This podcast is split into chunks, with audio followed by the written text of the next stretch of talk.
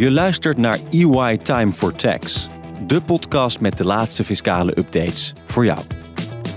Over belastingen over winst, omzet en arbeid en belastingen in het nieuwe digitale tijdperk. Wij gidsen je in een klein half uur door de ontwikkelingen op het gebied van fiscaliteit. Mijn naam is Linda Herms. Fijn dat je luistert naar Time for Tax. Een paar maanden geleden was het nog het onderwerp dat de voorpagina's vulde. Maar door al het coronanieuws zou je het bijna vergeten. De brexit. Maar de brexit gaat ondanks het virus gewoon door. Tijd dus om erachter te komen welke maatregelen je moet nemen ten tijde van corona en wat ons nog te wachten staat. Ik beantwoord die vragen niet zelf. Dat doe ik met Casper Jansen en Walter de Wit, beide taxpartners en global trade specialisten bij UI. Casper, Walter, welkom. Dankjewel. Heren, 31 januari was de brexit een feit. En toen? Ja, corona. Wat is nu de status van de brexit? Is die veranderd? Ja, er is denk ik wel iets veranderd. Ehm, het officiële standpunt uh, van de Britse regering is uh, nog steeds um, dat uh, zeg maar de overgangsfase die tot eind dit jaar duurt, dat die ook echt is afgelopen eind dit jaar. En dat er geen uitstel gevraagd zal worden, wat nog kan tot 1 juli door de UK. Um, alleen uh, en dat, dat zou dan trouwens betekenen dat uh, ja, vanaf 1 januari 2021 um, er echt grenscontroles komen, grensformaliteiten, et cetera. Um, maar je ziet nu toch, um, als je zeg maar goed in de kranten kijkt, uh, Engelse kranten ook, dat er ook vanuit de conservatieve partij en zelfs sommige oud-Brexiteers toch wel de vraag opkomt of het wel zo verstandig is om die overgangsfase te laten beëindigen per uh, eind dit jaar. En of het toch niet beter is om de overgangsfase daar, om daarvoor een, uh, een verlenging te vragen. En waarom zou zo'n verlenging handig zijn? Nou, omdat natuurlijk de economie nu een ontzettende klap gaat krijgen. Um, en als daar ook nog eens een keertje uh, Brexit overheen komt, uh, ja, wat natuurlijk uh, altijd voorspeld is door heel veel deskundigen, dat dat toch een, een, ook een economische klap zou gaan uitdelen. Ja, dan krijg je dus ja, een tweede klap bovenop een al hele ja. grote klap. Dus voornamelijk in het voordeel van het Verenigd Koninkrijk? Ja, voornamelijk in het nadeel van het Verenigd Koninkrijk. Maar ook ja, de EU zal toch ook last van de Brexit gaan krijgen. Casper, denk jij er ook zo over? Um, kijk, het enige voordeel wat je zou kunnen bedenken aan het nu al laten ingaan van de brexit... is, is dat de verwachting is dat de handelsstromen significant lager zijn. En dus wellicht de afhandeling daarvan ook wel makkelijker juist weer is af te handelen in deze periode. Dus dat je bij spreken wat dat betreft een soft landing van de brexit krijgt. Maar dat is puur een operationeel iets. Maar, maar, precies wat Walter al zegt. Kijk, economisch gezien is dit natuurlijk, ligt niemand te wachten op, op een, weer een, een, klap voor de economie. Dus het lijkt mij niet het meest handige moment. Oké, ja, geen handig moment dus. Welke acties kunnen ondernemers nu nemen ondanks de crisis dan? Ja, kijk, dat, dat is in wezen niet, niet, niet veranderd. Hè? Want zoals het er nu voor staat, en ook als je de uh, Britse regering hoort, nou, die zeggen al heel duidelijk, nou, wij gaan absoluut geen, uh, geen verlenging aanvragen. Dus die brexit gaat gewoon een feit zijn per januari. Dus het enige wat je kan doen is gewoon volledig voorbereiden nou, op de 1 januari uh, deadline, dat de brexit echt een feit is. Dus de business moet er echt klaar voor zijn. Ja, dat denk ik ook. Um en, en dat is eigenlijk ook wel wat we nu zien. dat uh, de meeste bedrijven toch nog wel doorgaan met hun brexit-voorbereidingen. En dat betekent dus nog steeds zorgen dat je je registraties en dat soort zaken op orde hebt in de UK. Of als je vanuit de UK naar Europa gaat, uh, registraties hier. Uh, in die landen waar je zeg maar actief bent. Jullie komen allebei bij veel bedrijven uh, in Nederland. Uh, wat moeten bedrijven dan nu echt gaan doen dit komend jaar? Nou, bedrijven moeten zich echt gaan voorbereiden. Inderdaad, op het feit dat ze nu goederen gaan exporteren vanuit de EU naar de UK. Eh, en, en wellicht ook goederen gaan importeren in de UK. En, en die andere, andere, andere kant op, bedrijven in de UK die ineens goederen gaan exporteren naar de EU. Nou, dan heb je allerlei handelingen waar je aan moet uh, voldoen. Formulieren moet je met de juiste cijfertjes uh, hebben. Je moet goederen ineens gaan klassificeren voor de douane, wat veel bedrijven nog niet hebben gedaan. Of slechts op een achtcijferig niveau, waar dat nu naar een tiencijferig niveau moet. Klein voorbeeld aan te halen. Het gaat misschien te gedetailleerd voor nu, maar op basis van de Nou, interest... misschien wel goed, een beetje feeling krijgen bij eh, een voorbeeld. Nou, dan doen we dat even lekker. Graag. Nee, als je bijvoorbeeld naar de Intrastat-data kijkt, eh, ook bedrijf die goederen vervoert tussen de UK en, en de EU, ehm, nou, die moet op een achtcijferige code aangeven wat voor goederen dat zijn. Nou, het nummer één product wat geïmporteerd wordt in de UK volgens die Intrastat-data zijn eh, levende paarden. Nou, dat is een beetje opmerkelijk zou je denken. En nou, dat is ook opmerkelijk, want dat klopt natuurlijk totaal niet. Maar dat is eigenlijk gewoon de eerste vink die je kan zetten bij de Intrastat-data. En dat geeft eigenlijk aan dat, eh, dat heel veel bedrijven hun klassificatie totaal niet op orde hebben. Eh, wat een enorme uitdaging gaat zijn, want binnen nou nu in acht maanden eh, zul je je klassificatie op orde moeten hebben. En daar waar het voor Interstad wellicht, nou, dat zou je goed moeten doen, maar de gevolgen zijn niet per se heel groot als je dat verkeerd doet. Nou, voor het douanerecht, nou, daar hangt eigenlijk alles aan op. Zo oorsprongsberekeningen, douanerechten die van toepassing zullen zijn. Eh, er wordt ook gekeken naar, bepaalde exportcontroles. Die zijn niet één op één afhankelijk daarvan, maar die eh, hangen daar ook aan mee samen. Eh, dus dat, dat is de wereld hangt daarvan af qua, qua. Of je goederen gaan st- gestopt worden bij de grens, al of niet. Maar die codes, ehm, zie je dat daar een vereiste nodig is dat bedrijven hun systemen aan gaan passen? Of moeten ze dan vooral in contact ook met importeurs? Hoe, wat is de concrete actie die daar nodig zal zijn? Ja, nou, systemen zullen ook moeten worden aangepast. Want waar in het verleden was de EU één land. Dus had je maar één set eh, van data nodig voor eh, de douaneclassificaties. Nu wordt de UK een, een derde land. Dus zal je going forward zowel EU-douaneclassificaties nodig hebben als UK-klas douaneclassificaties. Nou, die zullen misschien in het begin zullen ze gelijk lopen, maar geleidelijk zul je zien dat die iets uit elkaar gaan lopen, waardoor ook je systemen eh, nou, echt moeten dubbelen. Maar de grootste uitdaging zit echt in het klassificeren zelf. Dat is gewoon echt een enorme exercitie. Stel dat je 5000 producten hebt, Mhm. en dat is niet ongewoon eh, voor bedrijven. Nou, het kost ongeveer een half uur eh, om een product te klassificeren.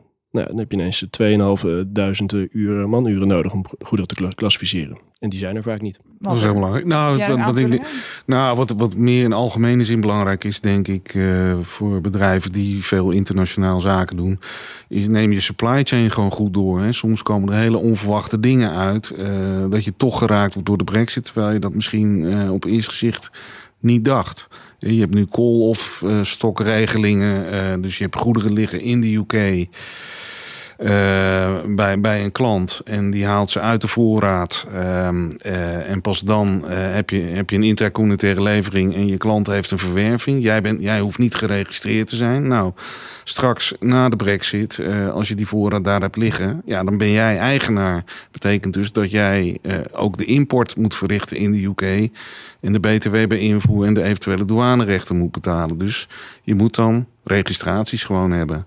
Dus ja, ik denk heel belangrijk om eh, eh, gewoon te gaan kijken van nou, hoe, eh, hoe wordt mijn supply chain nu uiteindelijk geraakt? Ja, en dan is het vooral een goed idee, wat we veel bij klanten doen, is samen gaan zitten, bijvoorbeeld met de tax director. En dan ga je kijken, hoe ziet je supply chain eruit? Nou, eigenlijk is vaak niet helemaal duidelijk wat er nou allemaal gebeurt. Dus je gaat juist in, in, in één kamer zitten eigenlijk met nou, de supply chain director, eh, nou, legal, finance, je bedenkt het allemaal. En eigenlijk elke keer weer komen er totale nieuwe supply chains uit dan wat de tax director vaak dacht. En nou, voor onze luisteraars zal het ongetwijfeld niet het geval zijn. Maar het is toch verstandig om met een grotere groep te bespreken hoe, hoe de business er nou echt uitziet om ervoor verrassingen te voorkomen. Kun je een voorbeeld eh, noemen, Casper? Je gaf aan dat je als bij bedrijf daarover hebt gesproken. Ja, nou, we zaten laatst bij een, een, bedrijf aan tafel en die heeft nou al zijn brexit-voorbereiding, et cetera. Nou, die liet allemaal zien wat hij allemaal gedaan had en het zag er ook echt heel goed uit. En toen eh, kwam de vraag, hebben jullie eigenlijk ook voorraad in de UK liggen? En toen zei hij, nee, we hebben geen voorraad in de UK. En toen zei de supply chain manager, maar we hebben ja, wel een fabriek in de UK. Nou, als je een fabriek hebt, dan, is heb je meestal ook wel voorraad en achtige dingen. Dus deze, de hele, hele UK-fabriek was totaal niet meegenomen in de brexit-onderhandeling. Dus dat was wel een, een klein dingetje. En dat, nou, dat, dat soort dingen zie je. En een fabriek was voor mij ook wel het meest extreme voorbeeld, to be honest. Maar heel vaak dat er wel eh, leveringen liggen, of wel goederen liggen. En dat er ineens een, een supply is tussen de UK en Ierland. Die vrijwel altijd over het hoofd wordt gezien, terwijl die wel heel voor de hand liggend is. Uh, en, en daar zijn nou, talloze voorbeelden. Nou, dat is denk ik ook een goede Ierland. Uh, je ziet toch dat heel veel bedrijven vanuit Engeland, vanuit de UK, Ierland bevoorraden. Nou, dan heb je toch ook weer vaak dat je registraties in Ierland nodig hebt. Uh, uh, dus daar moet je je inderdaad ook op voorbereiden. Absoluut. Maar Casper, moet toch even vragen: hoe kun je een fabriek over het hoofd zien? Ja, ik vind het geen slechte vraag. Nou ja, dat is, eh, de, de business die blijft doordraaien. Dus de- en hoe het je ook wil, de business blijft doordraaien. Weet jij bijvoorbeeld of wij een UI-kantoor in Barbados hebben? Eh, ja, ik geloof het wel, maar ik zou het wel even moeten checken nog. Nee, het is een heel flauw voorbeeld. Maar je ziet vaak dat een, een, een persoon weet vaak niet wat de grote multinationals over de hele wereld doen. Je zou wel denken in het kader van de Brexit voorbereiding dat je even had nagevraagd of je misschien een fabriek hebt in de UK. Wa- Was niet per se raar geweest. Maar het- ik zie dit heel vaak bij bedrijven dat toch eh, dat soort dingen over het hoofd worden gezien. Als we kijken naar dan zo'n zo'n bijeenkomst. Je hebt het net over de tax director en de supply chain manager. Ehm, eh, wie zou je nog meer aan tafel verwachten om dit zo goed mogelijk in te richten? Eh, het le- legal department, finance, eigenlijk, eigenlijk wel echt een zo breed mogelijk. IT-mensen heel graag erbij, heel echt zo breed mogelijk. Je kan nog zo mooi uittekenen, maar als IT op een gegeven moment zegt, dat is leuk en aardig, maar dit, ja, dat kost ons zes maanden om iets te ontwikkelen.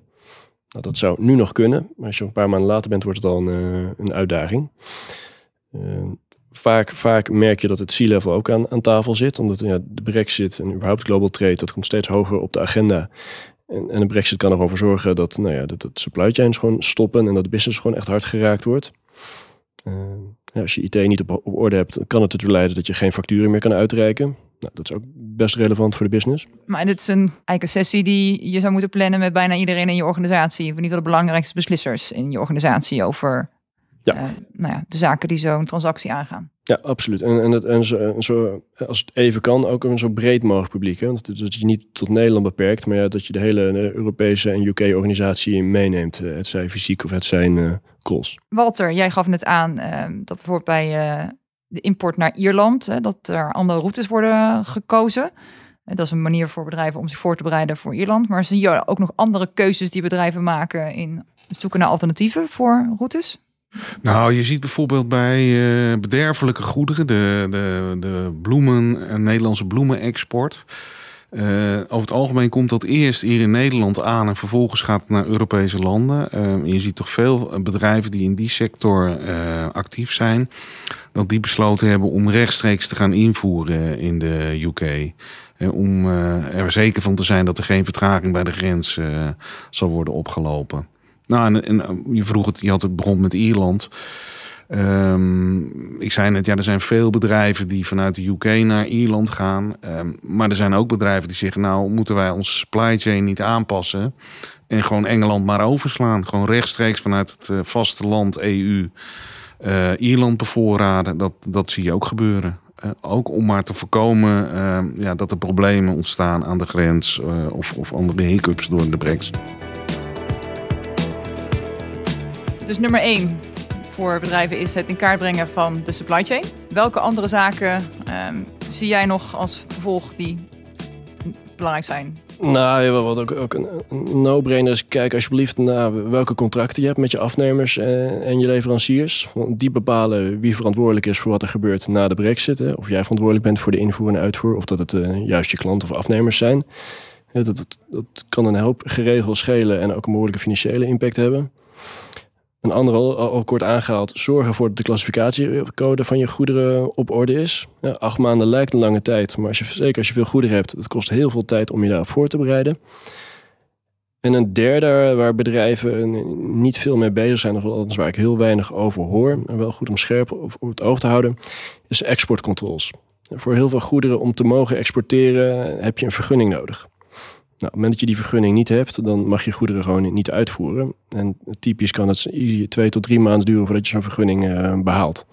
En dan moet je denken aan de dual-use goederen die eventueel ook gebruik kan maken voor militaire doeleinden. Maar dat kan al zo klein zijn als een schroef die je kan gebruiken voor het bouwen van een tank. Zo'n schroef kan al onderhevig zijn aan exportcontrole regelgeving. Oké, dus anders dan de acties zelf ook rekening houden met de looptijd van bepaalde acties die daarvoor uh, voor benodigd zijn. Absoluut. Ja, ja je, je, moet gewoon samen zitten met nou ja, het Brexit-team. Veel bedrijven hebben dat. Kijken hoe je supply chain eruit ziet. Dat is stap 1. Stap 2, hoe gaat mijn supply chain eruit zien? En stap 3, wat ik moet ik ervoor zorgen om echt te zorgen nou, dat ik Brexit-proof ben op 1 januari. Dus voor de luisteraars die nog geen Brexit-team hebben, is dan een extra actie om een Brexit-team te vormen? Laten we die op nummer 1 zetten. ja. Heel goed. Wat heb jij nog aanvullingen hierop? Um, nou, misschien is het wel. Uh, we hebben het nu tijd over douane en indirecte belastingen gehad. Maar um, Ehm, ja, wat zijn eigenlijk de gevolgen op het gebied van directe belastingen, de VPB en, uh, en dergelijke? Aha, je kaast hem, je kaast hem even terug. Jou. Nou, concreet wat ik recent bij bedrijven heb gezien is onder andere ehm, fiscale eenheid. Fiscale eenheid mag je in principe vormen tussen twee Nederlandse dochters van een moeder in de EU. Dus zijn er ook nu een UK-moeder. Maar ja, de vraag is even als dadelijk ehm, de UK de EU effectief verlaat, ja, verbreekt dan ook die fiscale eenheid. En wat zijn daar dan de gevolgen van? Nou, tweede zou kunnen zijn de fusiefaciliteiten. Er zijn allerlei regels, of, gunstige regels voor fusies waar EU-vennootschappen bij betrokken zijn. Waar je belastingvrij bepaalde transacties kan doen. Nou, vraag eens even, als er dadelijk een UK-vennootschap betrokken is, zijn die faciliteiten dan nog van toepassing? Nou, ook dat zal afhangen van hoe gaan de onderhandelingen plaatsvinden en nou ja, wordt de EU, wordt de UK misschien betrokken alsnog in die faciliteiten of niet? Um, ja, verder zijn de EU-richtlijnen um, mogelijk gunstig in uh, situaties waar het UK-verdrag uh, met Nederland minder gunstig is. Dus ik denk bijvoorbeeld aan bronbelastingen. En ja, als de EU-richtlijnen dadelijk misschien niet meer van toepassing zijn op, op UK-entiteiten, dan kan het dan zijn dat het verdrag in werkingen moet worden, tenminste het, verdrag moet worden toegepast. En nou ja, vraag is of dat gunstig is of niet. Dus ook dat is goed om te kijken van ja, wat is dan de impact voor bepaalde transacties waar een verdrag van toepassing is. Ik kan me voorstellen, ook vanwege de brexit zullen er best veel supply chains worden omgelegd. andere importeurs, andere exporteurs. Kan het niet ook behoorlijk gevolgen hebben voor de transfer pricing? Ja, uiteindelijk transfer pricing is een zakelijk handelen, zakelijke prijzen hanteren tussen entiteiten in, uh, in andere landen. Um, dat is in principe ook al wel van toepassing um, bij landen uh, in EU. Uh, eh, maar ik denk wel als er in de supply chain heel veel zaken veranderen, is het sowieso goed om te kijken hoe zien die nu transacties eruit. En hebben we wel rekening gehouden in onze transfer pricing policy met deze transacties? Of moeten we die ook herzien? Ja. Als jullie praten met bedrijven, merken jullie dan dat ze de brexit nu minder belangrijk vinden? Nou, ik denk inderdaad dat de meeste bedrijven zijn natuurlijk toch nu met uh, corona bezig. Uh, op allerlei fronten besparingen zoeken. Uh, op, op tekstgebied, maar ook op allerlei andere gebieden. leveranciers. Of, afnemers die uitstel van betaling willen. Ehm, ja, daar speelt natuurlijk heel veel. Um, dus dat betekent ja dat uh, corona misschien nu wel een iets hogere prioriteit heeft bij sommige bedrijven. Ja, absoluut. Dat, is de algemene eh, tendens, denk ik. Maar er is ook echt wel een aantal bedrijven dat juist heeft uh, bedacht. Nou ja, we hebben nu best veel mensen thuis zitten die niet allemaal even hard uh, aan, aan het werk zijn. En waar we misschien andere dingen zich mee bezig kunnen houden. En die hebben ook juist wel Brexit-projecten naar voren gehaald om er zeker van te zijn dat ze klaar zijn. Dus ik, ik zie daar wel een wisselend beeld. Ja, wat zijn jullie Brexit-tips nou eigenlijk ten tijde van corona? Ja, bereid je toch echt voor alsof het 1 eh, januari een, een feit gaat zijn, die Brexit. Dat, dat is denk ik nog steeds de grootste kans dat dat inderdaad zo zal gaan zijn. Eh, al zal het corona misschien nog, nog een, weer een, nieuw uitstel teweeg brengen. Maar eh, bereid je toch gewoon voor alsof het 1 januari gaat zijn. Dat denk ik ook. En wat jij, nou, dat denk ik ook. Dus nog moeten bedrijven ervan uitgaan dat 1 januari 2021 de grote datum is. En uh, wat Casper denk ik net zei, ja, mocht het inderdaad zo zijn dat binnen een bedrijf uh, er toch een aantal mensen zijn die het wat minder druk hebben, uh, maak die dan vrij uh, om, om je brexit voorbereidingen af te ronden. Uh, en kijk naar de data die je hebt. Kijk, iets wat je, wat je makkelijk op afstand kan doen, dus vanuit het thuiswerken, is, is nou, de, de, de, verschillende data-analyses. En, de data liegen niet. Dus op basis van de data kan je uitermate goed zien of, er nou, of je actie moet ondernemen, waar je actie moet ondernemen, en waar de grootste stromen liggen. Of er goederenstromen zijn die je eigenlijk niet in kaart had voor jezelf, maar die er toch blijken te zijn. Hè, zodat je ook daardoor de, de brexit, uh, dat je daar ook moet voorbereiden. Dus doe zoveel mogelijk waar je anders niet aan toe kwam. Maar wat nu wel kan, nu, nu je thuis zit. Wat als je als bedrijf nu nog niks hebt gedaan qua voorbereiding op de brexit? Nou ja, op, op dit moment relatief weinig natuurlijk. Maar, maar op het moment dat het brexit een feit is, ja, dan ga je pas merken wat de echte consequenties zijn. Ja, dus of je er klaar voor bent of niet. Als je niet voorbereidt, dan weet je zeker dat je er op 1 januari uh, niet klaar bent voor de brexit. En dat je goederen dus alsnog uh, voor de grens gaan staan. Dat kan één zijn, of dat ze misschien wel doorgaan... maar dat je ineens een, een veel hogere kostprijs hebt van diezelfde goederen. Waardoor je gewoon op naar, naar de veel lagere marges... slash misschien wel negatievere marges gaat over je, over je omzetten. dus dus je moet zowel kijken naar de goederenstroom. Hè. Gaat dat nog wel goed uh, na de brexit? Maar ook is het eigenlijk nog wel commercieel uh, haalbaar, de, de stromen die je nu hebt. En moet je daar niet dingen op gaan aanpassen. Dus samenvattend, ondanks corona is de tijdlijn ten aanzien van brexit niet veranderd. Het is voor bedrijven nog steeds van belang om de juiste acties te ondernemen... om in ieder geval voorbereid te zijn als het moment toch daar is. Walter Kasper, dankjewel. Dit was de eerste aflevering van Time for Tax van EY. Wil je niets missen? Abonneer je dan op deze podcast en laat vooral sterren of een review achter. Mijn naam is Linde Herms. Tot de volgende aflevering.